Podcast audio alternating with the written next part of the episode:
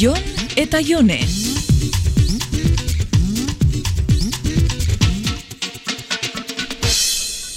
Zenbat pasau da, lau hilabete alkarrekin tope egin genduanetik? Eta alkarrekin bizitzeko galdetzen destazu? Ba, egia esan, pentsatzen nulako igual zuk ere nahi zenuela, baina garbi dago ez ez. Nikokin bizi naiz. Zuk ze uste dozu, olako erabaki bat wikian bitxartez hartu leikiela? Eta zein da arazoa, eh?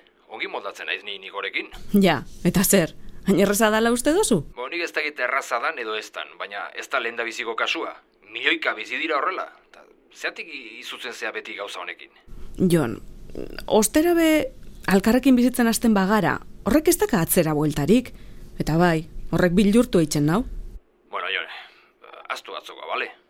Onartzen dut txorrada bat izan zala. Are gehiago uija txorrada horrekin egin izana. Venga, gehatzeko gogori bai.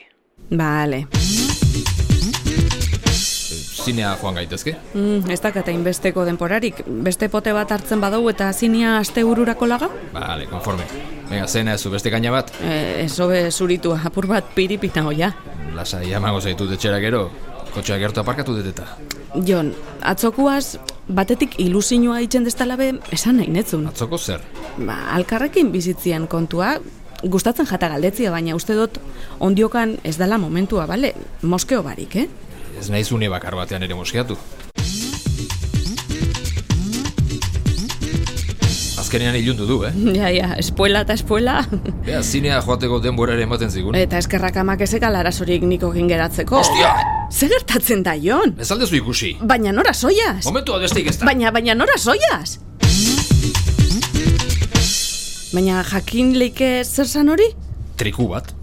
Eta zein dozu. Ba ikusi ez du. Hartu eta errepidetik alik eta urrutiena eraman. Nik ikusi bez dotein. Bea, negua eta hotzaren amaieraren gauzarik okorrena hause da, eh? Triku holokaustoa hasten dela berriro. ere. Ala, holokaustua esatia be. Bera, errepidean kotxeak zapaldutako dozenaka triku ikusten den nik urtero, eh? Ta ni bakarrik, oie guztiak ikusten baitu, ba, pentsatzen badiren akabatzen ditugunak. Eibarraldian kirikixo esaten jakue. Usatzen jata, kirikixo izena. Gaia, ba, horrela jarraitzen badeu, izena bestik ez zaigu gehatuko. Bueno, baina nik beti entzun izan dut kotxean ez dala maniobra zatarrik egin behar animali bat gurutzatzen bada, txarrau izan leikela. Ja, animalientzat ez. Bueno, Jon, ez hasi konparatzen, lehen holokaustua eta oin personak eta animalixak maila berian jartzen. Ba, bea, egia esaten nahi bazu, nik nahiago animalik. Behin irakurren eman hori psikopata eta soziopaten artean normala zala. Personak maitxatzeko arazoak dakazenek, animalixak maitxatzen da bezala. Ja, ba, horrek ez dakit non uzten zaitun zu, eh? Nire animalitxoa. Ikusitxakoa ikusitxa, animali bat izatekotan kirikixua izan nahiko neuke. Seguro nau autostopa itzen egongo banitza sinala geratu behingo. Ba, nahezuna esango zu, eh? Baina nik ez daukat kotxeak alditu izanaren inolako damorik. Eta atzetik bateron bat bazetorren? Ja, baina ez zetorren.